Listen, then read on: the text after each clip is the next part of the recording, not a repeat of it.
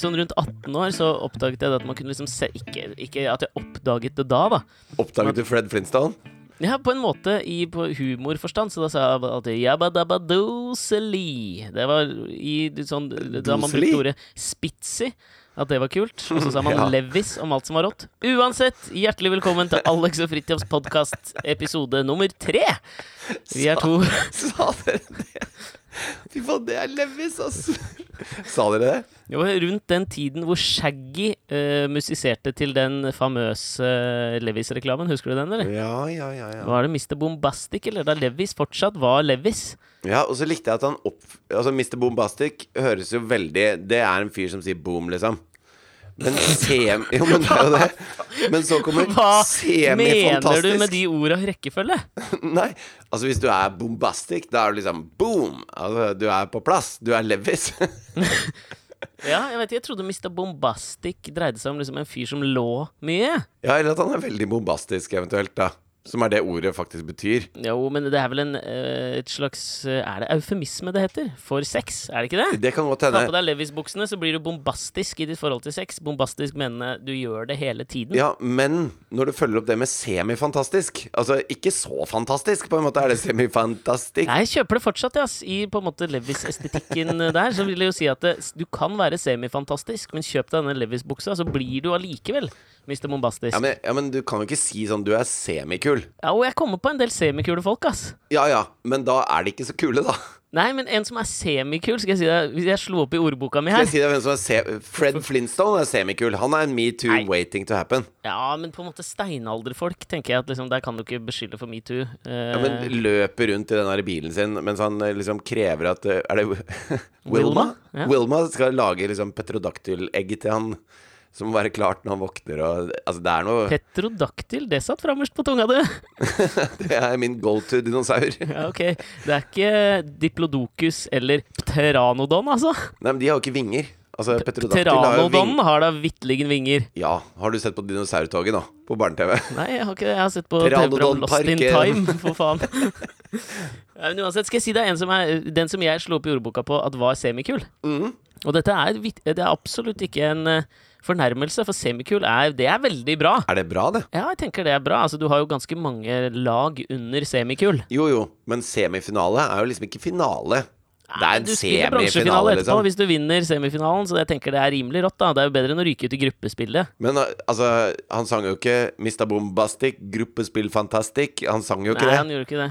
Nei, men det er det jeg mener. Men Semifantastisk bra. Jarle Bernhoft, semikul. Semikul? Hvorfor det? Ja. Ja, fordi han er liksom Han er ganske så kul. Ja. Men samtidig så har han et vedheng av ukulhet som han aldri helt slipper unna fra Kred-politiet. Nei, men altså, jeg kjenner jo Jarle veldig godt. Og han er jo nerd. Altså, det har han alltid vært. Ja, men Det er det jeg mener. Det er derfor han er semikul. Ja, ja. Ja. Men det er akkurat som deg. Du kan ta så mange tattiser og ha så kul caps du vil. Ja. Men uh, semikul type, da. ja, det er det jeg mener. og det holder jo for meg. Ja. Nå føler jeg Var på en veldig god flow. Føler at jeg liksom ødela den med å dra fram det eksempelet. Noe som minner meg om en ting som jeg, jeg hørte på et intervju med Som var på en god flow, og så ødela de det? Eh, Ja, men det med Jarle Bernhoft-eksempelet.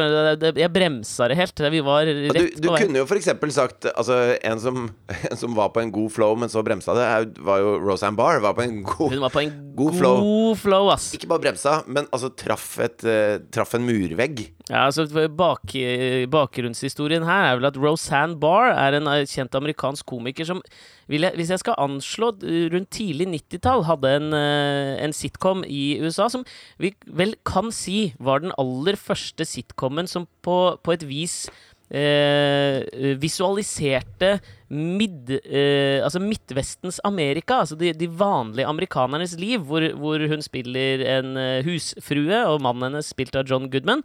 Og så tar de opp liksom eh, vanlige amerikanske folks problemer, og det ble en kjempehit på ABC på, på 90-tallet. Og det som er litt rart her, er at John Goodman er en mye større skuespiller enn Han har jo spilt i masse veldig, veldig kule filmer. For eksempel Eh, Big Lebowski, hvor han har en fantastisk rolle. For eksempel. Eh, men, men Roseanne Barr er liksom stjerna. Selv om han er en mye større skuespiller. Det er ingen som snakker om Ja, John Goodman er tilbake med Roseanne. Nei, men det er fordi hun spiller hovedrollen, og navnet på serien er hennes navn. Altså, I, ja, du snakker ikke om at. Ine altså, snakker ikke om at Ine Jansen er tilbake i Helt perfekt, selv om hun rosemaler Thomas Giertsen på skuespillerferdighet, liksom. Nei, det er korrekt. Observert. Ja. Men ok, men så var det vel eh, på, eh, på et tidspunkt i verdenshistorien så vant Donald Trump valget, og TV-kanalene skjønte at eh, den folkelige opinionen er i ferd med å endre seg. ja. Hva faen gjør vi for å akkommodere dette behovet til eh, Jeg har en idé! Ja, Vi setter Roseanne tilbake på lufta. Ikke sant? Så Ja. de smalt jo på ABC, smalt tilbake Roseanne på altså spør du meg, overraskende kort varsel, liksom. Det gikk kort tid Ja. fra på en måte dette her, den ideen ble unnfanget, til Roseanne og John Goodman var tilbake på skjermen. Og så ble det vel For Roseanne var jo en slags sånn derre Hun var jo sosialist, egentlig, i gamle dager. Ja, var det det? Hun har aldri vært sånn eh, midt i gata politisk, på en måte.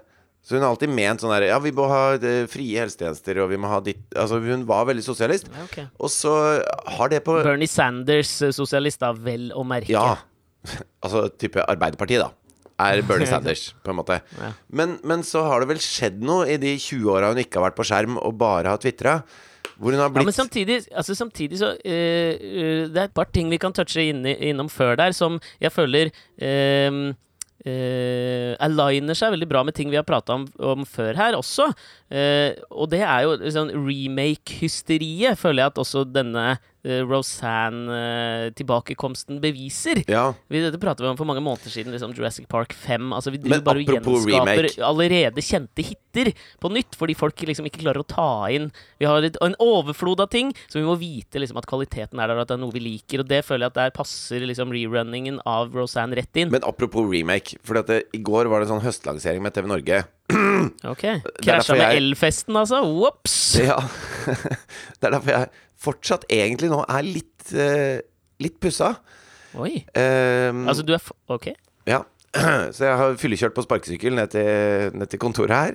Tror du Eh, man kan bli stoppa på sparkesykkel ja. og få et forenklet forelegg pga. promille? Nei, fordi at det, eh, altså når du kjører bil, da, så kan måten du kjører på, være en slags sånn giveaway på at du ikke er helt på stell. Mm. Mens på sparkesykkel så er det liksom litt keitete og kleint uansett åssen du gjør det. Sånn at det, Ja. Jeg tror ikke politiet ser at det, Oi, han har kanskje litt promille på sparkesykkel. Det tror jeg ikke de ser. Sparkesykkelens så det etter er jo at folk ser klin gærne og idioter ut når de står på dem. Ja, men nå har jeg en veldig fet sparkesykkel, da. Ja, Altså, men det gjør det på en måte verre, for du har jo på en måte fått danskebåten i sparkesykler. Du står på en slags pall med to hjul. Er danskebåten liksom ditt go to på fett? Altså, er det, det, er det danskebåten som er Levis om dagen? Nei, men jeg syns det er litt ufett. Jeg likte den forrige sparkesykkelen din bedre. Denne her er litt sånn her, Den er John Goodman, da. Ja, jeg skjønner hva du mener. Men uh, fy faen, så deilig den er å rulle på. Jeg gidder ikke å høre om det. Det interesserer meg mindre enn John Goodmans karriere post eh, Big Lebowski. Men det jeg skulle Men fram til Det jeg skulle fram Ja, men bare- bare- bare en nei, ting ikke- til. Nå er det min Fordi tur. Ross, Nå er det min tur. Ja, Du har prata masse. ja, Ross. Nå er det min tur. okay. Men ikke jump the gun nå, da. Nei, nei. Men det som er, det som er apropos remake, Mm. er jo at nå kommer jo fuckings Casino tilbake. Ja, jeg vet det. Med Tause Birgitte. Jeg vet det. Du vet, vet at Og- jeg, jeg var med i unnfangelsen av det? Ja, det, det vet jeg, og det var jo hemmelig da du fortalte meg det. Ja. Men nå, nå kan vi jo kanskje prate åpent om det, for nå har det ikke noe med deg å gjøre lenger. Nå kan vi prate absolutt Går jeg ut ifra, da? Jeg har ikke noe med det å gjøre lenger. Nei. Bare var med i unnfangelsen og, og finne ut at dette skulle tilbake på skjermen. Hadde masse møter med Halvard Flatland. For en fyr, ass! Elsker jeg! Ja, ja. Jeg møtte Halvard i går. Fortsatt, eh, fortsatt bra fyr, ass. Ja, Men nei, ass. Uh. Birgitte Seifert eh, gjorde Altså, hennes intervju, både i avisa og på scenen på høstlanseringen, dreide seg om, som vanlig, at hun aldri prater. Der er det jo noen myter om hvorfor Dette kan vi avkrefte med en gang, da. For det er jo noen myter om hvorfor Birgitte Seifert aldri prata Altså for dere som han aldri levde da eller så på Kasino, så var jo poenget her var jo at uh, Halvard Flatland var programleder. Ja. Og uh, Birgitte uh, var på en måte hans håndlanger, sidekick, som aldri sa noe gjennom uh, hele kasinosesongen. Hun viste fram premier. Hun skulle bare være den Ja, og så pene. flippet hun litt Altså, Hun flippet litt kort. Apropos Fred Flintstone og metoo. Altså, hun hun ble hyra inn i én kraft. Det var 'hold kjeft og vis fram den gettoblasteren vi skal gi bort til Ja, kasino og, dag'. og etter at Birgitte Seifert ga seg, så var det jo flere kjente kvinner som var innom og hospiterte som Tause Birgitte, blant annet Akvalene og Katrine Sørland. Oi, det visste jeg ikke. Nei, se der. Ja. Men så har det jo gått Het eh, hun Tause Lene? Nei, jeg tror Altså, dette liksom må ha vært før Aqua. Ja, det var før Aqua, ja. Ja. Mens hun fortsatt var en frivol liten jente i Tønsberg. Nok om det! Før hun ble dama til Harry Hole. Ja, faen, det er sant, det. Ja. Uansett. Eh, Det som jeg eh, Altså, den perfekte stormen av dårlig skuespilleri er når Akvalene møter eh, Jon Carew og Odda i en seriøs dramaserie. Fordi at disse menneskene trenger seriøse skuespillere rundt seg. Alle på Teaterhøgskolen river seg i håret av frustrasjon. Men jeg hadde sett den serien. Ja, lett. Altså, Jon Carew han står ut som en trygg skuespiller for meg. Norges Winnie Jones ganger ti, på en måte. Ja, ja syns du det? Jeg synes han er råbra.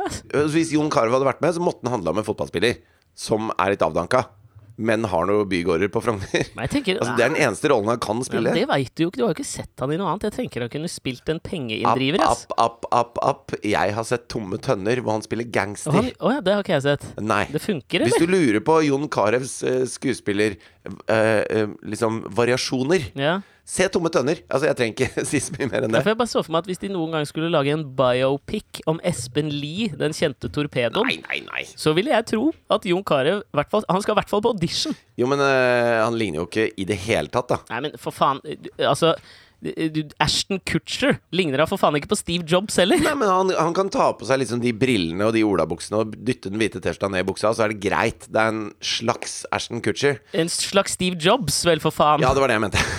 Jo, men det er det jeg mener. Men liksom, hvis du skal lage en biopic om, eh, om Jon Carew, da, så kan ikke jeg spille den rollen. Jo, hvis du bølker deg opp litt og tar mye sol, eller betakaroten et eller annet, så tenker jeg du kunne gjort det. Altså, eh, det er jo tydelig at eh, for eksempel Jan Thomas kan gjøre det. Se tilbake på Fiselærens middag for lenge siden. Eh, nok om det. Nok om det. Men ja, det var, hva, var- hva, Er du ferdig med den remaken din nå? Ja, jeg bare syns det var blast from the past. Altså 30 år sia. Ja, men altså, jeg tenkte jo bare Vi kunne jo uh, bare gi en sånn kort uh, update på Roseanne Barr. Med fare for å høres ut som en uh, podkast som jeg spilte for to uker sia, da. For det var jo da det skjedde. Ja, altså, det er fredag. Klokka er 08.30. Eh, Maria Mena har akkurat langet ut mot pressen på Instagram og er ganske forbanna på Elfesten, liksom. Ja. Da er, vi er grei, da er vi up to speed. Jeg skrev faktisk Jeg heier på deg, jeg. Hjertet til Maria på den posten der. Ja, akkurat det kan jeg jo være jævla enig i. Mari var jo og spiste middag med henne da hun forlot eh, Elfesten i går. Hvordan kan du spise middag med henne mens hun forlater en elfest på en rød løper? Da hun forlot. Etter at hun forlot, er riktig å si. Ikke sant? Eh, men faen, jeg må- si at det, jeg blir litt sånn Åssen går det med trynet til Mari, forresten? Det går mye bedre, det, altså. Ok. Ja. Tenna er der, og Tenna er der. Kjeven henger på. Kjeven henger på. eh, Skal tilbake på sykehuset og sjekke en væskeansamling i kjevepartiet om et par dager. Ja, Da er vi oppdatert på det. ok. okay.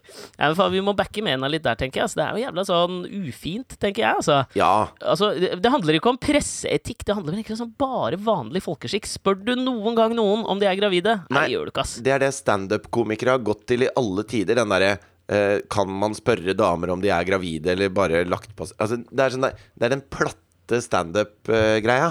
Det. Og så skal pressen drive med det mot, mot Maria, som er en nydelig dame, på en rød løper, på en elfest hvor det ba... Hvor liksom, elfesten er eh, Det er Norges svar på prinsessebryllupet, da. Nei, Det er da det, er da det ba, kun, kun dreier seg om kjoler. du var altfor snill. Altså, det er et eller annet inni meg. Jeg tenker sånn, I utgangspunktet så er den Mena-saken fullstendig uinteressant å diskutere. fordi at det, Hvis du ikke er enig i at det er øh, på kanten Ikke på kanten engang, langt over kanten. Langt over kanten. spørre om noe sånt. Så da har jeg ikke noe å si. Og da tenker jeg at det samme hva jeg sier nå, så vil ikke du som hører på, bli overbevist. Nei. Men heller svinge innom Elfesten før vi går videre på Roseanne Barr, som på en måte er to antonymer visuelt eh, estetisk. Ja, Liksom. ja, ja. Altså, det, Altså, hvorfor, mener hvorfor hater jeg det som foregår nede på Ling Ling på Oslo så utrolig hardt? Altså, jeg hater det av hele mitt hjerte. Det er de mest patetiske greiene jeg ser i løpet av året. Jeg elsker å hate det. ja, men, eh, altså, Nå skal jeg være helt ærlig med deg. Vi var ute på Sørøya i går og hadde sånn eh, TV Norge-fest da for alle programlederne. Mm, ikke, og så- ikke fordekk programledere med nynorsk. Litt flau okay. å si det. Ja, det, men i hvert fall. Og så var det sånn Nei, nå skal vi på elfesten. Nei. Jo, jo. Så vi hoppa i taxi alle sammen og eh, kjørte til Aker Brygge. Ja. Og så gikk bortover Aker Brygge mot Ling Ling. Mm. Uh, og da møtte jeg jo eh, hele gjengen som Katrine jobber sammen med. Mm. Og de bare 'Å, fy faen, det er dritkjedelig', og sånn. Så da dro vi videre. Så det var, det var mitt Jeg var nesten på Elfesten. Ja, vet du, hva? du, vet du. Jeg har lyst til å komme tilbake til Elfesten litt seinere. For det er en ting jeg har tenkt på denne uka som jeg hadde lyst til å uh, spune med deg. Holdt jeg på å si. Spune er helt feil ord, men balle litt med deg. Så la oss faen meg bare gjøre ferdig Rosanne Barr først. At det er, er, det, jo altså, er det Levis å si spune eller balle? Er noen av de ordene gangbar mynt? Jeg tror balle er gangbar mynt. Ja, ok. Ja. Du har lyst til å balle med meg? Jeg har lyst til å balle en ting med deg, buddy. Ok, okay. Og så uh, Rosanne Barr i gjorde en del eh, middel, altså sånn middelhavsfarerkomedier som sint dame. Post-Rosanne-sitcomen. Og så var den jo av i alle disse årene, og så fant ABC ut Hun er litt som Jon Carew. Hun spiller én ting. Hun spiller seg sjøl. Ja, det kan egentlig stemme, det, altså. Men, eh, men poenget var jo uansett bare at ABC fant ut at vi skal, nå skal vi smelle på dette igjen, ettersom det virker som om eh, det amerikanske folk lengter etter mid, eh, altså midtvestestetikken og verdiene. Det er et segment vi har glemt i populærkulturen, bla, bla, bla. Ikke sant? Og så smeller de det på, og premieren rater vel rundt 20 millioner seere. Og blir en, altså det blir jo en megahit. ABC sitter jo og gnir seg i henda, mens alle de andre kanalene sikkert leter febrilsk etter hvilke liksom gamle Altså, alle elsker Raymond. Var sikkert snart på vei tilbake på skjermen. Friends. Altså, det er jo Jo, men, men 20 koker millioner kan vi, altså, kan vi bare stoppe et, et lite øyeblikk ved 20 millioner? Mm. Jeg syns ikke det er så mange seere. ja, Fy faen. Hvor mange har du på Kakekrigen, da, din kødd? Jo, jo, men det, men det er et poeng. Altså, det, er, det er like populært i USA som kakekrigen er i Norge, da. 20 millioner i USA er fortsatt ganske mye. Jo, men, jo, men altså, de er 360 millioner. Altså, Farmen kjendis rater en million i Norge. Ja, Jeg vet det, men Norge er unikt eh, sånn Altså sånn eh, andre Altså Hvis, hvis det hadde rata like bra som Farmen kjendis der borte, så hadde de hatt 70 millioner. Ja, men er, er vi, snakker vi Superbowl der, liksom? 70 millioner? Nå er jeg litt usikker på hva Superbowl rater fra år til år. Ja, jeg òg. Og kan vi bare si at rating er kjedelig å snakke om. Gå videre med Rosanne, du. Nei, men, altså, og, men så skjer jo det uunngåelige, eh, som, som jeg tenker er en veldig sånn Det er en forventet, eh, et forventet narrativ når en litt løs kanon som Rosanne Barr havner tilbake på, eh, på skjermen. eh, Og har på en måte livnært seg av å tvitre i, i en 10-15 år. Ja. det er jo at hun smeller ut en uh, rasistisk tweet. Hvor hun Hvem var det hun En som het uh, Valerie Johnson, er det det, eller? Som var rådgiver for Obama, en, en mørk dame. Ja, og så sammenligner da Rosanne Barr henne med eh, altså at det var en krysning mellom uh, apene fra Planet of the Apes og Ja, hun sa at hvis, hvis Det muslimske brorskap og eh, han eh, hovedapen fra Planet of the Apes hadde fått et barn, så hadde det vært Valerie Johnson. ja, Og det er jo like over kønten. Ja, da pirker du borti Altså, da er det både liksom muslimer, Uh, mørke det, det er alt, da. Du, du kødder med alt, liksom. Ja, men kødder? Jeg tenker at du bare er sånn Jeg vet ikke, jeg. Det, det er på en måte ikke noe å si, så hun blir jo tatt av umiddelbart. Eh, og det tenker jeg det er jo liksom Man skulle jo ønske å være flue på veggen til ABC X6-ene når den eh, tweeten kommer. Hvor mye hår som rives ut. Jo, men altså, den, de liksom den kom jo har midt på natta. Den kom midt på natta, den kom klokka tre om natta. Og dagen etterpå så prøvde hun å skylde på at hun, at hun tvitra i sånn Ambien-rus, som er sånn sovemedisin. Og når Det er vel, er vel jævla mange som har skyldt på Ambien som eh, Som grunn for at de har tvitra eller gjort noe dumt. Tiger Woods, da han krasja bilen på vei til hun svenske Er det lov å si knull, knulledokke? Da sa han at han var i Ikke Ambien-rus. Men uh, altså, i Ambien-rus så er alle er enige om at du blir dårlig til å kjøre bil i Ambien-rus, som, som jo Tiger Woods ble. Ja. Men, men at du blir dårlig Altså, dette farmasøytiske selskapet som lager Ambien, Mm. tvitra jo tilbake til Rosanne når hun prøvde å skylde på Ambien, og, og skrev at, det, og skrev at det, Ambien har en del side effects, men rasisme er ikke en av dem. Ja, det er bra. Bra kundeservice. når når du blir eid av et selskap som lager piller, liksom, på Twitter, da føler jeg at du har sunket dypt. Altså. Jeg tror en liten sånn side effect med Ambien er jo Du skal jo sovne av den, men jeg tror liksom greia er også at hvis du øh, Hvis du tar Ambien og klarer å holde deg våken, så får du ekstrem seksuell stamina. Du blir veldig eh, kåt, da. Ja, Gjør du det? Ja, så jeg vet ikke hva Rosanne Barr Hun er jo ikke et, for meg et seksuelt vesen. Nei, jeg lurer på hvorfor det, altså. Men, jeg, men altså, altså, bare for å dra denne her litt, litt videre, da. For jeg, nå øh, kom jeg på også at jeg hadde en tanke i starten her som jeg aldri fullførte, og det hater jeg når jeg hører på podkaster sjøl, så jeg skal komme dit nå. Fordi for meg så er på en måte uh, Rosanne-sitcomen er på en måte Hvis du slår opp sånn uh, bokslatter latter-sitcoms i, i ordboka, Ja. så er det et bilde av den serien. Ja. Og eh, jeg, altså, det er en sånn ting Vi har, vi har prata litt om det før, dette her med sånn canned laughter. Ja. Jeg tror det var en en fyr som heter Charles Douglas på tidlig 50-tallet, som fant opp dette her at man kunne, liksom, man kunne ta opp latter, og så kunne man spille av det senere for å gi en sånn live-følelse til TV-programmer. Og, det var, og da, og da lagde- kasta de jo etter folk som hadde god latter, for å fylle denne lattermaskina med gode lattere, liksom. Ja, så folk jobba jo som det. Ja. Uh, og da tror jeg det het Audience Response Duplicator. Okay. Var det han kalte det. Og så ble det jo bare til latterboksen etter hvert, da. Da, men det er én fyr som ble kasta som hadde en veldig, sånn, en veldig høy og veldig sånn spesifikk latter. Ja. Og han hører du Ja. på alle disse seriene, fordi de bruker det samme lattertracket som de tok opp på 50-tallet. Og det det. er ganske gøy. Men altså, bare en, en annen artig side note på Latterbox er jo en av våre favoritter, Aaron Sorkin. Altså, mens vi snakker om ABC, så var det jo eh, da liksom eh, Altså, det var vel på en måte tidlig 90-tall at Latterboksen hadde sin heyday. Og var vel rundt da Aaron Sorkin skulle slippe den eh, en av sine første serier som het Sports Night. okay. eh, på ABC. Og så ville de prøve å gjøre noe nytt, men da var jo liksom Altså, alle TV-execs hadde jo forelsket seg i Latterboksen på grunn av Roseanne, tenker jeg. Så de ville jo ha med det. Det var ikke bare Roseanne. Altså, Seinfeld hadde jo også, og Friends, og det var jo mye latterbokser ute og gikk. Men så kom det vel rundt Seinfeld og Friends et visst sånt eh, Hva skal vi si? det, ø- Husker du uh, den stemmen som i starten sier eh, 'Friends is taped in front of a live studio'. Live studio audience. Da ble det liksom at du skulle ta en avstand fra det. Og Sorkin ville jo ta liksom full avstand, så han ville lage en Jo. komiserie uten latter i det hele tatt. Men de hadde, jo, altså, de hadde jo publikum i studio. I hvert fall på Friends. Jeg tror ikke de hadde det på Seinfeld. Jo, de hadde på Seinfeld òg, ja.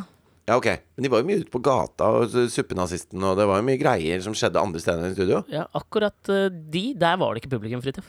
Nei, ok Altså, det var folk som gikk forbi, da. Men uansett så tror jeg de fylte på med latterboksen under The Live Studio Audience. Ja, fordi at de traff jo ikke alltid på latter. Nei. Det er hvor manusforfatteren hadde tenkt at her kommer det en super, superlatter.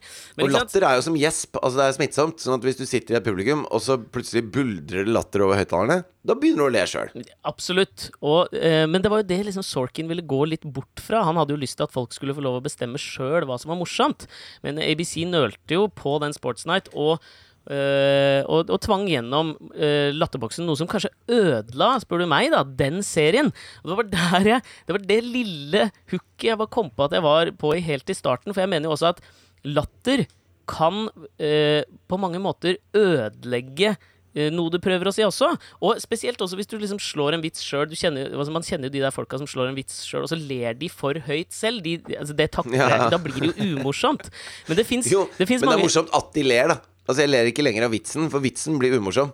Men at de ler så høyt, det kan jeg le av. Det syns jeg er veldig gøy. Ja, jeg er litt enig, men da ler du jo av, ikke med, ikke sant? Ja ja, men det er potet og potato i min bok, da. Ja, ikke for meg. Der er jeg mer uh, picky. på hva jeg får latter på, liksom.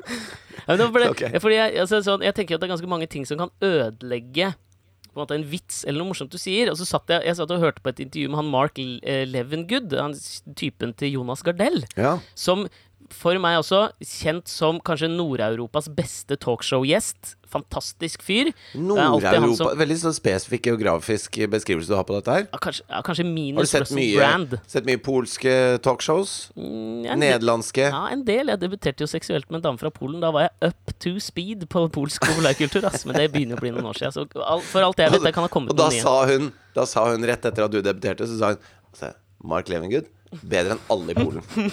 Lett. Tidlig Marks karriere. Ja. Nei, for, han er jo også liksom kjent som han som alltid kjører disse Apropos prinsessebryllup, da, siden du brukte den analogien i stad, så er det jo han, han som alltid kjører de SVT-sendingene hvis det er noe rojalt som skjer i Sverige. For han er god til å prate. Men han Apropos analogi, forresten. Mm. Altså første delen av ordet analogi, da. Eh, jo, men eh, Ex on the Beach er et program som kommer nå på TV Norge til høsten. Stolt av å være på den kanalen, eller? Ja, ja. Mm. Og, og den gjengen var jo der. Ja. Altså, jeg er kløyvet om dette. Er det så jævla mye å være kløyvet over, eller? Det er jo rass, på en måte. Jo, men ikke sant Altså, typ, de quotesene som disse folka kommer med, da Mm. De er så uh, de er, Det er så mange lag i de, i de sitatene som de klarer å lire av seg. Og ikke sånn Altså Greit nok hvis du har sittet og blitt uh, intervjua i tre timer, og så plukker de inn det beste sitatet ditt, hvor du driter deg ut og sier noe feil, eller sånn som han ene sier Blir spurt om uh, hva er dine to største interesser i livet, og det er litteratur og analsex. ikke sant? altså, allerede der så syns jeg det sitter ganske bra, da, ikke sant? Ja, ok da. Eh, og så kommer de opp på scenen, og da er det Litteratur ja, Hva er oppfølgingsspørsmålet da? Hva, hva hadde du stilt som oppfølgingsspørsmål? Hvilken litteratur? Ja, tusen takk. Ja. Og da sier han Ibsen. så hans drøm er liksom Kødd eller Per Gynt høytlest Han mens har han lyst til å lese et dukkehjem mens han tar en dame i rumpa. Åh, ok. Og han har en, en Han er ripped, liksom. Nei, men for faen. Akkurat det elsker jeg jo. Jeg Ja, det. ikke sant? Elsker Det er det jeg mener. Og så kommer de opp på scenen, og det er, det er sånn det Ibsen! Det har kommet så mye før det. Jeg har lyst til å se dette programmet bare av han.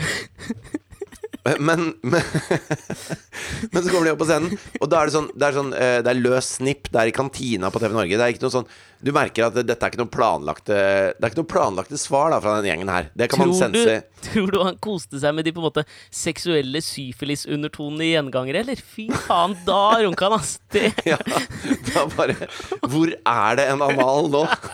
Jeg har lyst til å kombinere mine to hobbyer. Jeg Det der kunne vi prate Altså, vi kunne prate om de to orda en hel podkast. Jeg har fire millioner ting å si. Men Men la oss gå videre. Så kommer de opp på scenen, og så er det ikke sant? Det, er, det er helt uplanlagt, det som skjer. Jeg kan ikke slippe det. Jeg kan ikke slippe hadde du vært Jo Nesbø, liksom, så hadde det vært sånn, ja, greit. samklang. Men, men ikke Ibsen. Nei, altså, det er så innmari mange Nei, å fy faen. Hva tror du var det første han leste av Ibsen? Det er sikkert Per Gynt. ikke sant? Så fikk han en viss sånn følelse av at Per var en, en, eh, en levemann, en flanør som liksom lå litt rundt. Og så tenkte han faen, dette her kan jeg like. Hvis jeg bare hopper over alle det der rimet at det er skrevet litt sånn rart og sånn. Ja. Så gikk han videre, så ble han sikkert Nei, pusha men jeg tror han elsker det. Jeg tror han virkelig er liksom dyp i litteratur og analsex. Men det er så lite kompatibelt med å søke til sex X, hva er det heter for noe? Ex on the beach. Men på en måte, det liker jeg jo! Akkurat det liker jeg. Ja. Hvis vi gikk videre til et dukkehjem, da syns det var liksom sånn Det var en seksuell, seksuell gjennom- Vi trenger ikke gå gjennom back-katalogen til Ibsen her nå. Bare fordi Jo, sa det. det er så gøy å gjøre det, fordi så- å, liksom, å på en måte oppleve hans dannelsesprosess, både seksuelt, men liksom i tråd med uh, lesingen av Ibsen. For, for Jo, men det er jo mange av de store, det er mange av de store forfatterne som, som har vært liksom seksuelle rovdyr. Altså, det er jo ikke, det er jo ikke. Mange. Alle nesten utenom Dag Solstad ser jeg ikke for meg at var, er, eller var et seksuelt rovdyr. Nei, det, det er jeg helt enig i. Ja. Men, uh, men ikke sant, sånn at det er jo ikke ukompatibelt Altså, jeg kan fint se for meg eh, uten, at vi treng, uten at dere, kjære lyttere, trenger å se for dere det, men Ernest Hemingway, for eksempel. Mye. Mye. Ja. Hardt. Og han, han Hardt. Og det er ikke misjonær, liksom, når Mm. Ernest setter i gang. Livshatende sex. Ja. Det er, det er altså straffepeing Det er jo er det, det på en han måte. driver med. Men det er fordi det jeg bare tenker på med, altså, Siden han sier nå liksom analsex og Ibsen, så tenker jeg han har jo hatt en dannelsesreise både litterært og seksuelt. Og derfor tenker jeg på et eller annet tidspunkt Du begynner ikke med analsex. Nei, det gjør du ikke. Hvis du ikke bor på Sørlandet, da. Ja, det kan jo være Er han sørlendinga? Nei. Nei, så da tenker jeg at på et eller Han annet er fra Oslo, tror jeg. Ja, på et eller annet tidspunkt i den dannelsesprosessen så har han sagt til dama 'Bit i kudden, kjære, pappa kliver opp en våning'. og da og, da har det på en måte Mark Levengood. Du trenger ikke komme med sånne svenske sitater på det der. Det blir ja, for men, mye. På et tidspunkt da, så har jo det Kuddan. Det er så ekkelt å si. Pappa kliver opp en våning. Å nei, men slutt. Men, eh, men på Sørlandet så er det jo rett og slett pga. frykt for uh, deflowering Ja. at de begynner i den våningen. Ja, ja, absolutt. Men jeg tenker jo altså Det som jeg syns er altså, så ekstremt fascinerende, er jo på hvilket tidspunkt i den litterære dannelsesprosessen har han funnet ut at han skal klive opp en våning. Fordi der, altså Det hadde vært utrolig spennende å høre om det var en eller annen ibsensk trigger som gjorde at han Altså jeg, Det var derfor jeg tenkte på gjengangere. At han liksom Men si, han, si at han i, i sånn eh, du vet 17-18-årsalderen begynte med Morgan Kane og misjonær, da. Ja. Og så kliver han opp en våning i begge leirer, liksom.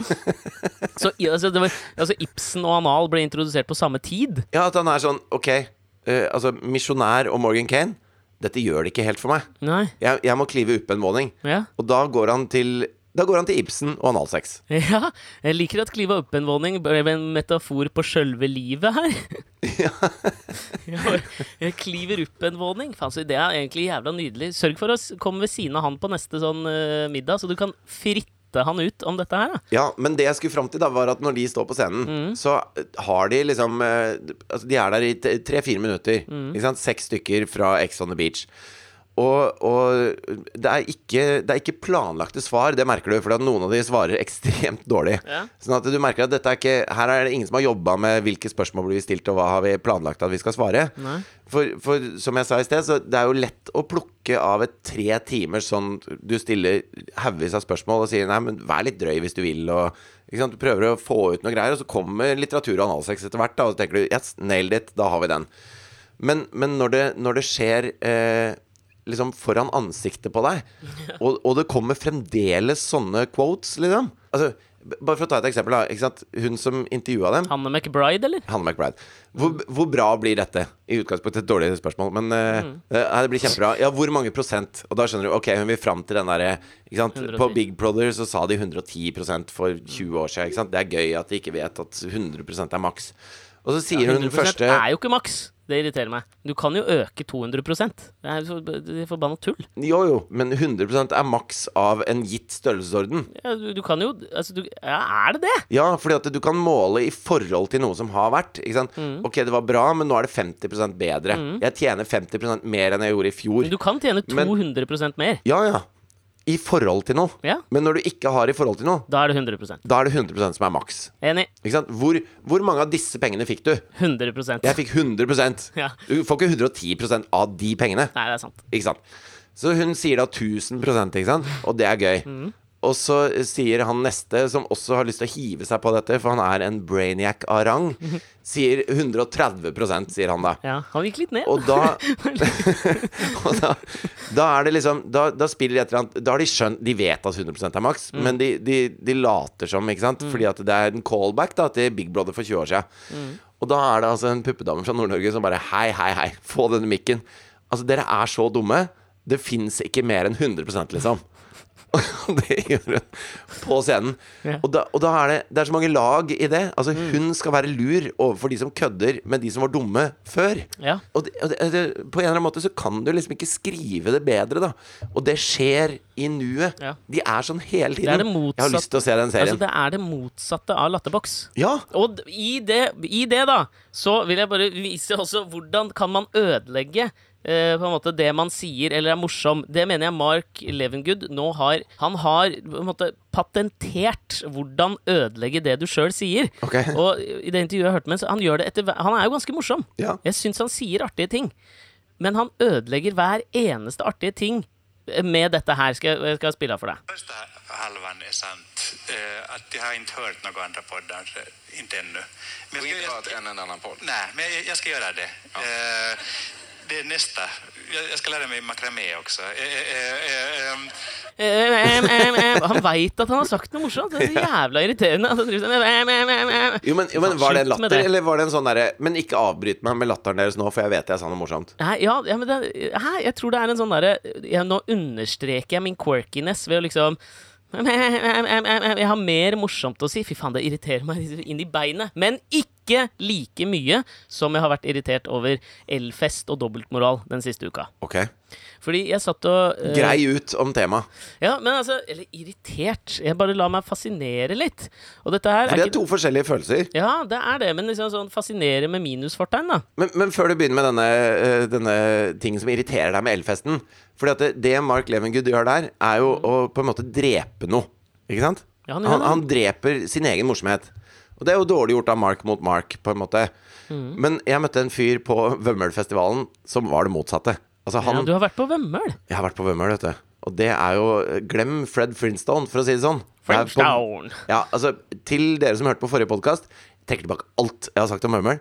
Det er det, det er det feteste. Glem Øyafestivalen. Dra på Vømmølfestivalen. Det er der det fuckings skjer, da. Men da var jeg liksom på fest, og da hadde det kjempegøy. Alle går i sånne Vømmølklær. Hva er det? Vømmøl er jo eh, altså Felleskjøpekompatible klær? Nei, det hverdalske ordet for vadmel. Oh, ja. Så man går i vadmelsbukser, har gjerne en sånn eh, rutete, litt sånn eh, Lumberjack. ja, ja, litt sånn eh, åpen skjorte. Kanskje eh, wifebeater er veldig vømmøl. Og så enten en sånn hatt eller en sixpence og bukseseler og noe, noe slitne sånne skinn, skinnstøvler. Ikke sant? Litt Altså på grensen til Rosanne-kompatibel. Ja, ja, men veldig det. Ehm, men når alle går kledd sånn, og det gjorde de i to Altså, du går inn på Mix-kiosken, så står de bak kassa i vømmelklær eh, dagen før festivalen. Ja. Altså, de har gleda seg så jævlig, da. Og det kommer 10 000 mennesker, alle er kledd sånn. Og det, det gjør noe med hele stemninga i den lille bygda, som er jævlig fett, liksom. Alle, alle er litt fetere når de kler seg ut, for da gir de litt mer faen, og så er det gøy, da. Ja. Og, og så var vi på Bortsett fra på Elfesten, si. Ja. For det er ikke å kle seg ut, det er å kle seg opp. Det er to helt forskjellige ting. Ja, for meg. Eh. To sider av samme sak, ass. Ok Men i hvert fall så er vi på, på fest og har det kjempegøy. Og liksom det er, vi drikker og koser oss, og sånn Og så må jeg tisse, og så går jeg inn, og så på vei til doen så er det en eh, jente som uh, har sett på er fra, er fra der. Og har sett på Kakekrigen og Alt for Norge og sånn, og har lyst til å ta selfie og står og prater litt om uh, hvor gøy hun syns det er. Kanskje 25 år eller noe sånt. Og så står vi og prater sammen. Og så rett før hun skal til å ta selfie, så kommer det en fyr. Og så sier han til hun jenta, mens vi står og prater sammen, så sier han Halla, husker du meg, eller? Og så ser hun på han litt sånn uforstående i blikket. Og så sier han 'Jeg pulte deg på en dass på Inderøya for fire år siden'. Frode heter jeg. og det er sånn Og den derre den, den prikken over den som er 'Frode heter jeg', kommer han med etter at han har sagt han pulte henne på en dass på Inderøya for fire år siden. Ansiktsuttrykket hennes er det man skulle ønske en latterboks var, på en måte. Ja. Altså, jeg, det var et så fantastisk øyeblikk for meg. Faen, for en flanør! Ja. Og, han, og det var ikke sånn Det var ikke et tilfeldig valgt øyeblikk for han når han skulle gå opp til hun dama. Det var ikke så mange på det utestedet at han ikke hadde lagt merke til at hun hadde vært der en stund. Og jeg hadde prata med Frode tidligere på kvelden, så han venta til jeg sto og prata med henne med å gå bort og si at han pulte henne på en dass på Inderøya for fire år siden. For et elskelig rasshøl han er! Frodes komiske timing og måten han lot det henge på. Altså Da var det sånn Neste kommentar er din, på en måte. etter det. Er så genialt å vente med navn til slutten òg. Det er det motsatte av Levergood, da. Ja, jeg skjønner hva du mener. Men det var sånn på, på Vømmølfestivalen så det var en, Altså, de digger Petter Northug, da, oppi der. Det er jo Og så, og så hadde han ene laget en sånn fan Du vet sånn, eh, sånn som de går med i barnehagen for ikke å bli påkjørt? Sånn vest du tar på over. Sånn selvlysende vest. Refleksvest, ja. Han laget en sånn slags refleksvest med trynet til Petter Northug. Ja. Og så sto det med store bokstaver 'La menn være menn'. Og så var det logoen til Vi menn på ryggen. Alt han likte, var samla på én refleksvest. Han elsker Rosanne. Ja, og den, den hadde han bestemt seg for å gi til meg, da. Så jeg gikk med den. Og da kom det en annen eh, vømmeldame bort, og så sa hun eh, Å nei, nå holdt jeg på å begynne på trøndersk. Det klarer jeg ikke. Jeg prøv, da. Nei, det blir nordnorsk med en gang, vet du. Men trønder Jeg kommer fra Trøndelag. Ja, kan jeg snappe deg? nei, det ble nordnorsk med en Nei, det er jo riktig, det. Ja, ok, Hun hadde lyst til å snappe meg, da. Og så, Ok. og så sa jeg ja, selvfølgelig. Og så sa hun ja, det er til en venninne av meg, skjønner du, for Petter pulte henne, og så kom han i trynet hennes, for han er så redd for barn. Altså, det er dialogen du har der oppe, da. Så, og det, sånne ting bare skjedde hele tiden. Jeg hadde det altså så gøy. Petter må jo lære seg å klive av uppenvåning, en våning, for faen. Ja, han burde lese noe Ibsen. Så jævla Så seksuelt det var. Ja, veldig. Men de er så, å, det er så rett fram, liksom. Og så, og så er det de tingene du ikke skulle forvente deg. da. Sånn som eh, vi hadde nachspiel med eh, noen bønder fra Vømmøl atletklubb. Som har vunnet Opp, spol tilbake. ja, Hva er det juxtaposition det heter? Altså bønder fra atletklubben. ja, så Vømmøl atletklubb er de som har vunnet beste flåte i Vømmølfestivalen de siste ni åra. Mange, deres, mange deler av den setningen jeg har lyst til å prate om. deres hovedkonkurrent er Fishølet turn- og gymforening. Som alltid kommer på andreplass.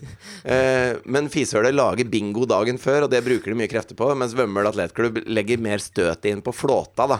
Så de vinner stort sett. Og det er Flåta brukes til. Nei, trekk, altså, det er jo et sånt tog. Altså, de okay. sier jo det er som karnevalet i Rio, bare bedre. Ja, ikke sant? Sånn litt sånn eh, Hva er det heter for noe fjer, Hva heter den paraden som går forbi Macy's? Ja, litt sånn. Thanksgiving Day Parade. Litt sånn, bare veldig annerledes. Ja. Og, og de gutta fra Vømmøl atletklubb, da, de er jo en gjeng med De har jo alle hver sin gård, ikke sant, oppe, i- oppe ved Stiklestad i Verdalen der. Ja. Det er så mye penger i å være bønder.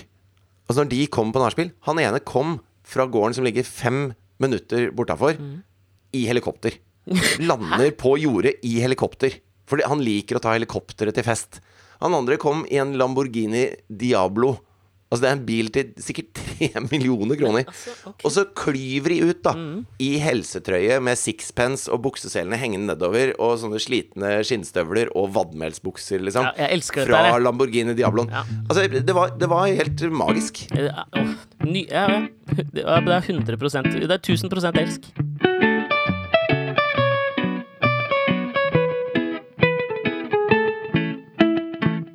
Det som jeg bare tenkte Jeg har bare lyst til å svinge innom.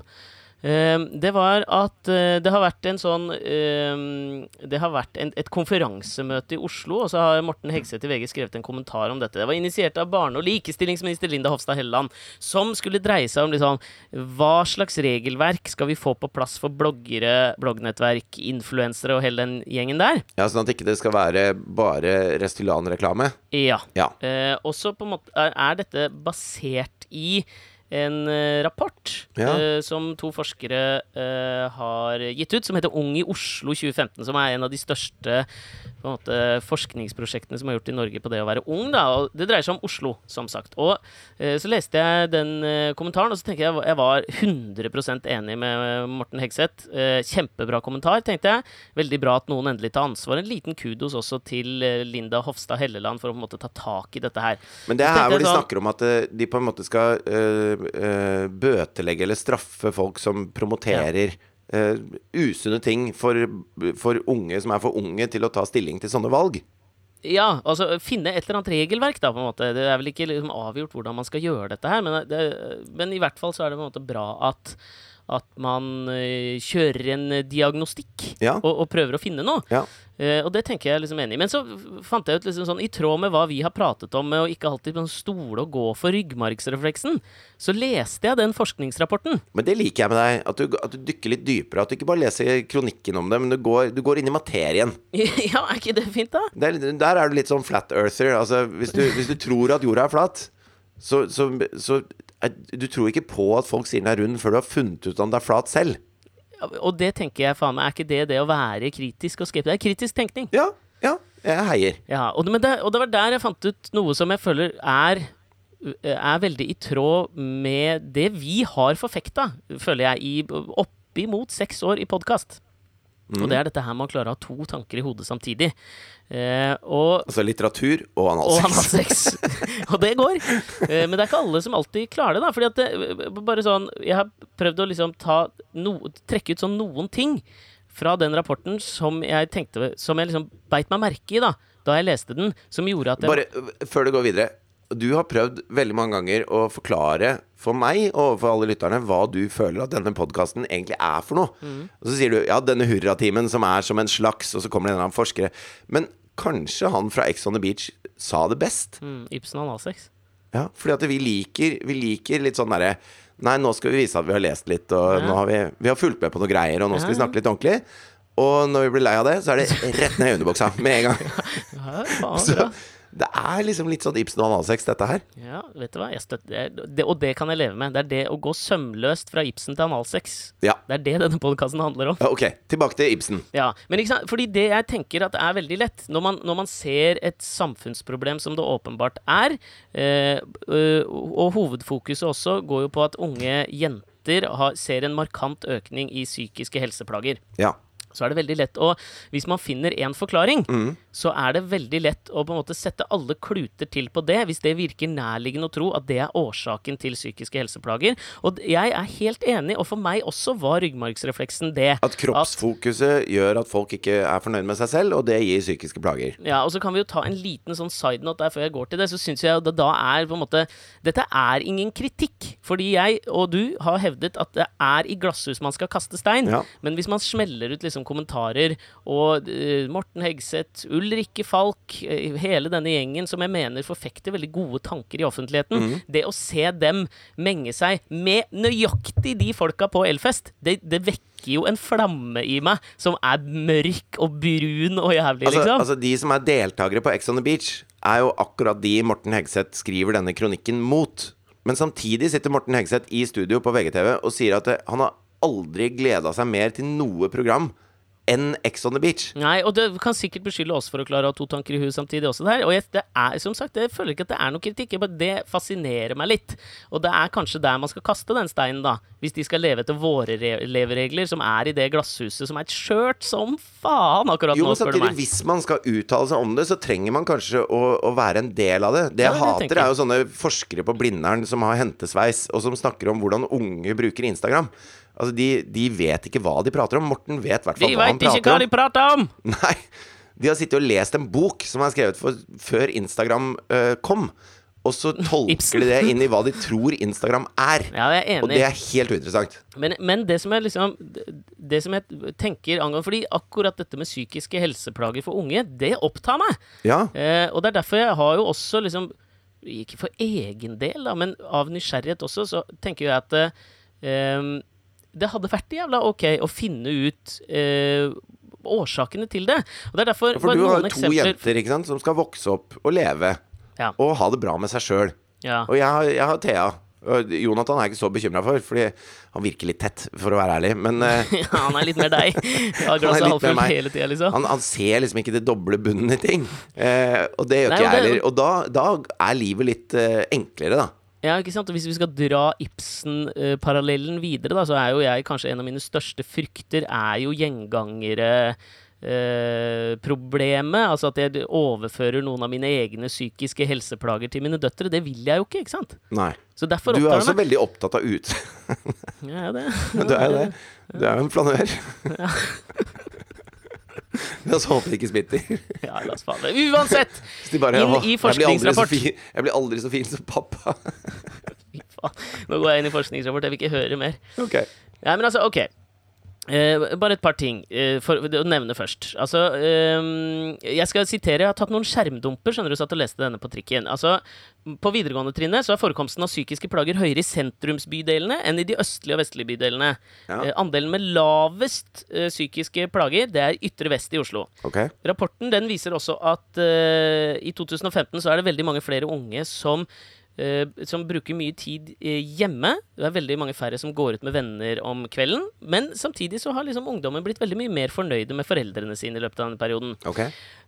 Eh, en annen ting er jo at generelt så bruker de unge i dag mye mer tid på skolearbeid enn for ti år siden. Mm. Og så økningen har vært absolutt størst de siste tre årene. Og det er først og fremst jentene som bidrar til den økningen. Ja. Eh, tiden de bruker på lekser og alt mulig. Men skoletrivselen, den ligger helt sånn stabilt på et høyt nivå. Ja.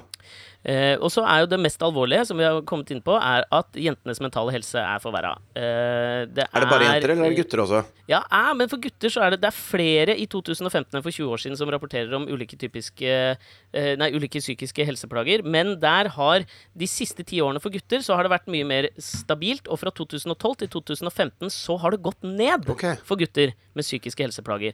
Og da Ikke sant? Med, med tanke på alle her, nå, nå får jeg mange tanker i hodet samtidig. Da, fordi at det, det man snakker om her, er jo på en måte kroppspresset, som er en medvirkende faktor til å gi eh, eh, unge jenter eh, psykiske problemer. Da. Ja, fordi det vi må bare ha i grunnen er, her det er det vi for, forklarer det med her.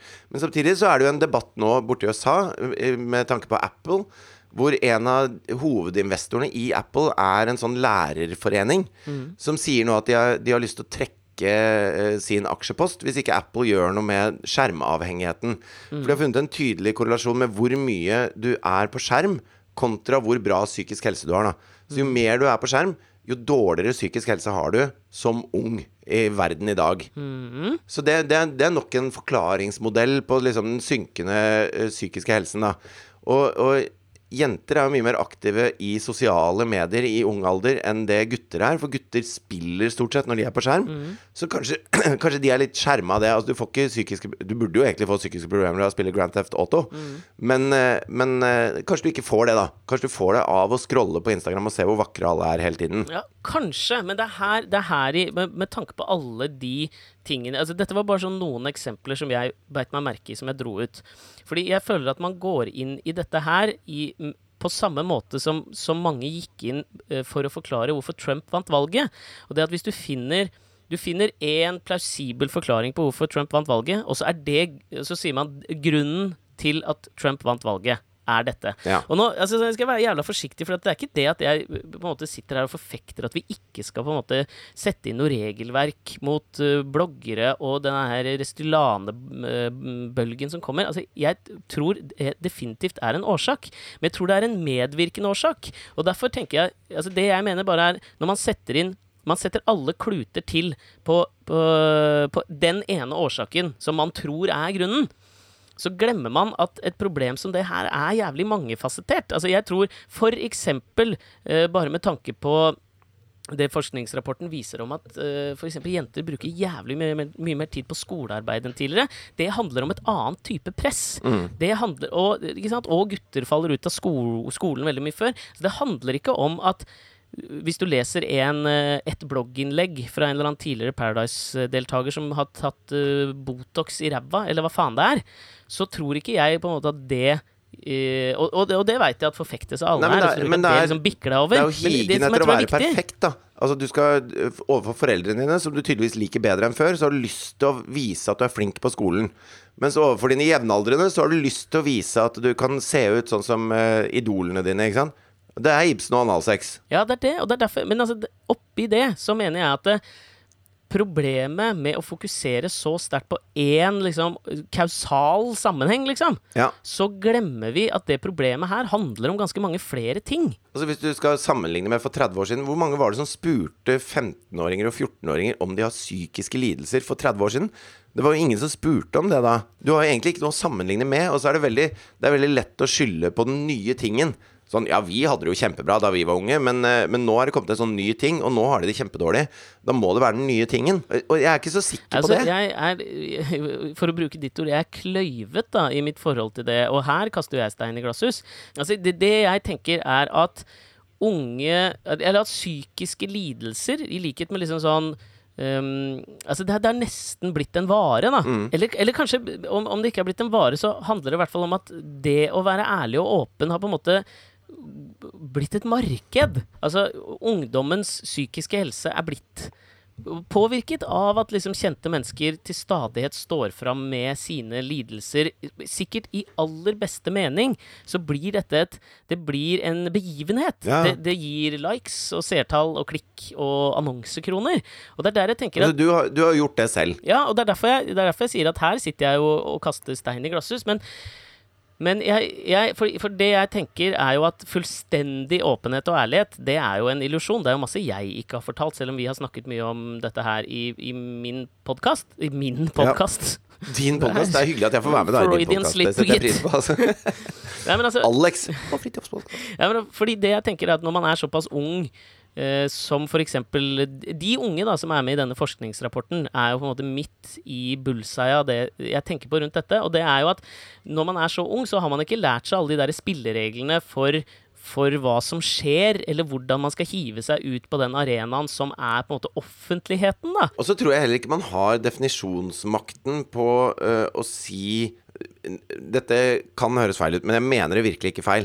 Jeg mener at det, altså, tenårene er ufattelig turbulent. Fra, fra kroppens side, da. Ikke sant? Det er mye som jobber mot deg i tenåra. Eh, min tenåringstid var, var det, Jeg følte at det var, det var ikke så mye som spilte på lag. Tumultiøs, tenåring. for å si det mildt. Ja. Fikk, plutselig fikk du sånn kjempestort adamseple, og så ble stemmen rar. Så jeg gikk med sånn der skjerf i halsen for å prøve å skjule det adamseplet. Jeg prata nesten ikke på et halvt år, fordi at stemmen min var så jævlig rar, liksom. Og det var et, det var et altoverskuende problem for meg. Det var en psykisk lidelse for meg. Hvis noen hadde kommet og spurt meg da Har du noen problemer i livet, så, så hadde jeg sagt at vet du hva dette, dette vet jeg ikke om jeg kommer meg forbi. Fordi at jeg klarer ikke å prate med folk, for stemmen min er så jævlig rar. Så jeg har fått en sånn svær kul midt på halsen som ser helt nerd ut, liksom. Og, og, og jeg vet ikke hva jeg skal gjøre med det. Så løsningen min var bare bli et sånn herre bli et sånt skyggemenneske som prøvde å ikke finnes på ungdomsskolen, liksom, i seks måneder. Og, og da hadde jeg svart Yes, jeg har psykiske problemer. Det er som når eh, Jonathan har hatt dårlig hørsel, ikke sant? Og så Katrine var jo eh, Altså Når vi skulle prøve å finne ut det, så gikk hun og spurte Jonathan. Hører du dårlig? Ja. Og han bare ja. Og så er det sånn Vi kan jo ikke stole på han. Altså Han Nei. vet jo ingenting. Han har null det- å sammenligne med. Nei, og det er det jeg tenker er litt Og det er ikke det at jeg ikke tar eh, psykiske lidelser hos unge på alvor. Men jeg sier at det, for alle, da, så er det vanskelig å skille snørr og barter på hva er, som, hva er det som er akkurat nå, hva er det som går over, hva er det som er varig, hva er det som er eh, Altså, det er en vanskelig tid for alle. Ja, og det, og det er akkurat det jeg mener. fordi at sånn, I den ungdomstiden så skal du på en måte Det du skal lære deg, er ikke bare å kjenne deg sjøl, men du skal også lære deg Og så forstå meg rett når jeg sier dette, men du skal lære deg på en måte å ehm, du skal lære deg å iscenesette deg selv litt, fordi vi trenger alle et skjold. Altså, vi er ikke alle hudløse overfor alt vi møter i livet, og det er det skjoldet litt vi bygger opp, tror jeg, da. I ungdomstiden så finner vi ut hvordan vi liksom coper med virkeligheten. Og er jeg er veldig usikker på om det er jævlig sunt at vi drar ungdommen ut av de der litt sånn Av gjemmestedene. Og ut i den derre pseudo-åpenheten, som ikke liksom er helt åpen og ærlig. Fordi det som skjer da, er jo at den delen av deg sjøl som du driver og leter Akkurat som du beskriver nå, da. Så den lille delen av deg som du ikke har blitt kjent med ennå, og som du driver og utforsker, det blir den rare delen. Det blir, det blir psykisk helseplage. Ja. Hvis, hvis på en måte motsetningen er å gjemme seg. Og det farlige Og, og der det, er jo hvis man jeg er så jævlig usikker på om det er, helt, om det er riktig. Ja, og det farlige der er jo hvis man befester det som en helseplage. Hvis man sier at det, Vet du hva, du har en psykisk lidelse. Her har du medisiner. Her har du Ikke sant? Og så begynner man å behandle det som kanskje er en fase, da. Som alle må igjennom på et eller annet punkt. Hvor ting er litt helvete. Ja. Øh, Hvor, man skal, hvor man skal bygge dette skjoldet du prater om. Da. Og Altså, det, det som er farlig, er å si at dette er din permanente tilstand pga. omverdenen du lever i. Mm. Fordi at da, da godtar man også det. Man lytter jo til de som, de som kan det, i gåseøyne. Ja. Og og i hvert fall når man er 15-16 og syns livet suger balle, liksom. Så er det lett å høre på noen som, som det virker som har fått det til. da Noen som virker som har bygd i skjoldet. Og så, og så sier de men, 'Men jeg har noen medisiner som kan hjelpe', eller 'vi kan snakke med deg', og vi kan, vi kan liksom dette er, 'Dette er noen plager du har, dette kommer du sikkert til å ha en stund, men jeg skal hjelpe deg gjennom det'. Jeg skal, du, du, kan hende du aldri blir kvitt det, men vi skal lære deg å takle Ikke sant?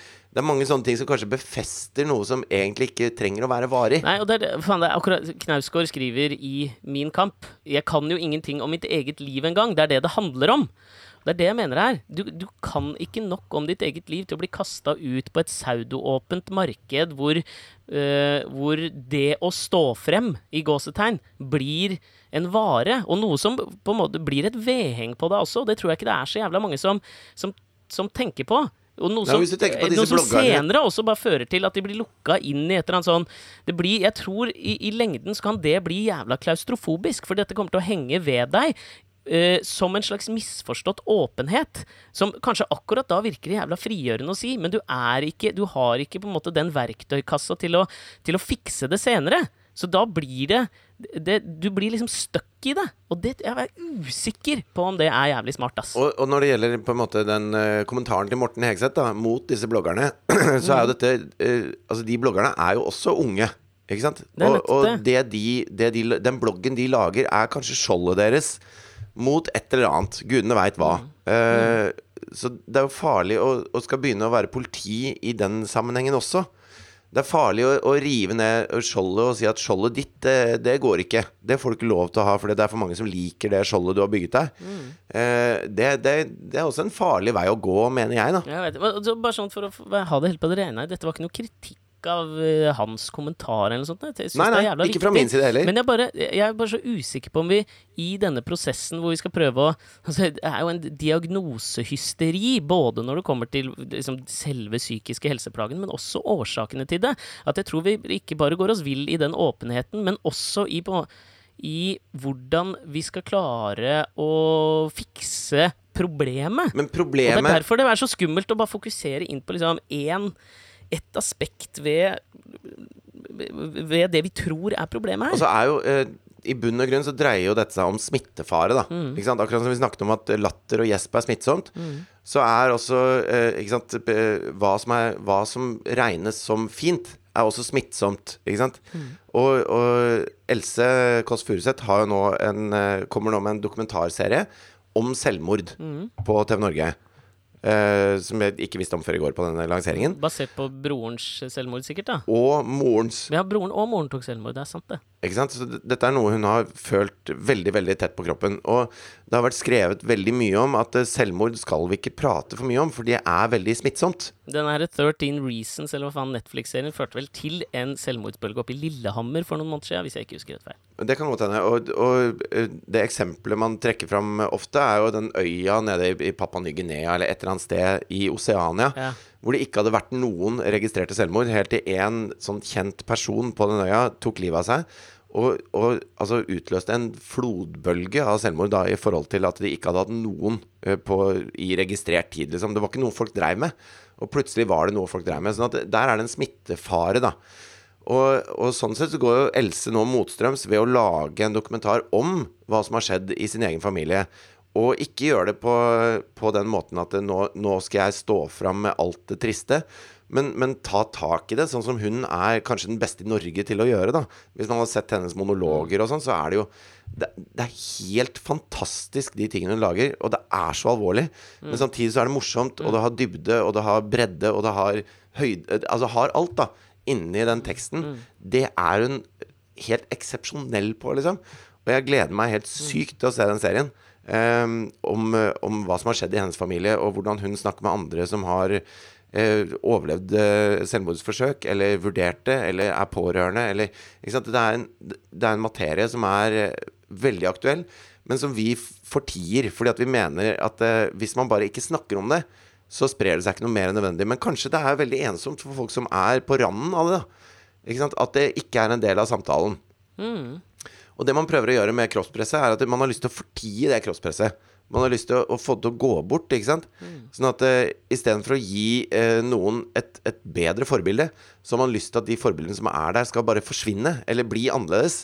Og det, det tror jeg er feil medisin. Jeg er helt enig, og det- er jo kanskje litt sånn Kanskje vi er i liksom startgropa hvis man tør å, som Mena gjør, konfrontere det presset, da. Den Altså ikke at det er et sånt ekstremt godt eksempel, men at man, er, at man i hvert fall Jo, de, ikke tier i hjel det, da. Da tør man liksom gå fram og si 'Dette syns jeg var dritt', liksom. Ja, men Når hun blir spurt om hun er gravid på den røde løperen, og ikke er det, eh, så, så er det Altså, det som er gjengs da, er at det er liksom Det er driti ut for alle å stille det spørsmålet når det ikke stemmer. Men Maria tar tak i det. Hun sier vet du, det der, det der det gjør du ikke en gang til, liksom. Fordi at det er ikke greit. Det får meg til å føle meg dritt, og, og da gidder jeg ikke være her. Og, det syns jeg er riktig, riktig måte å ta tak i det på, da. Hun har klivet opp en våning, for faen. Hun har faen meg klivet opp en våning. Jeg tenker at det for, Altså, nå må jeg komme meg på arbeidet, Nilsen. Vi får la det være litt sånn opp til, opp til andre å tolke seg videre. Kom gjerne med tilbakemeldinger hvis dere har en nydelig idé rundt dette her, altså. Men la oss bare sånn samlet sett klive opp en våning, akkurat Ja. når vi velger hva vi fokuserer på. For helvete. Og nå syns jeg vi fikk til det også. Jeg syns vi fikk til å klive opp en våning fra Fred. Flintstone og Vømmøl til, til en, en dyp, tung samtale som fikk meg til å tenke. Takk for det, Alex. Ja, Ibsen og analsex, det er der vi skal ligge og vake. Og så er vi tilbake neste fredag. Send oss mailer Ja. på Facebook, eller hva faen dere vil. Og for, ta så fortell en venn om podkasten, da. Ja. Be hen høre på. Og jeg kan love at neste uke blir det flere, flere artige sexposisjoner og flere artige bøker vi skal snakke om er helt enig. i denne podkasten. Vi høres om en uke. Ha det. Ha det.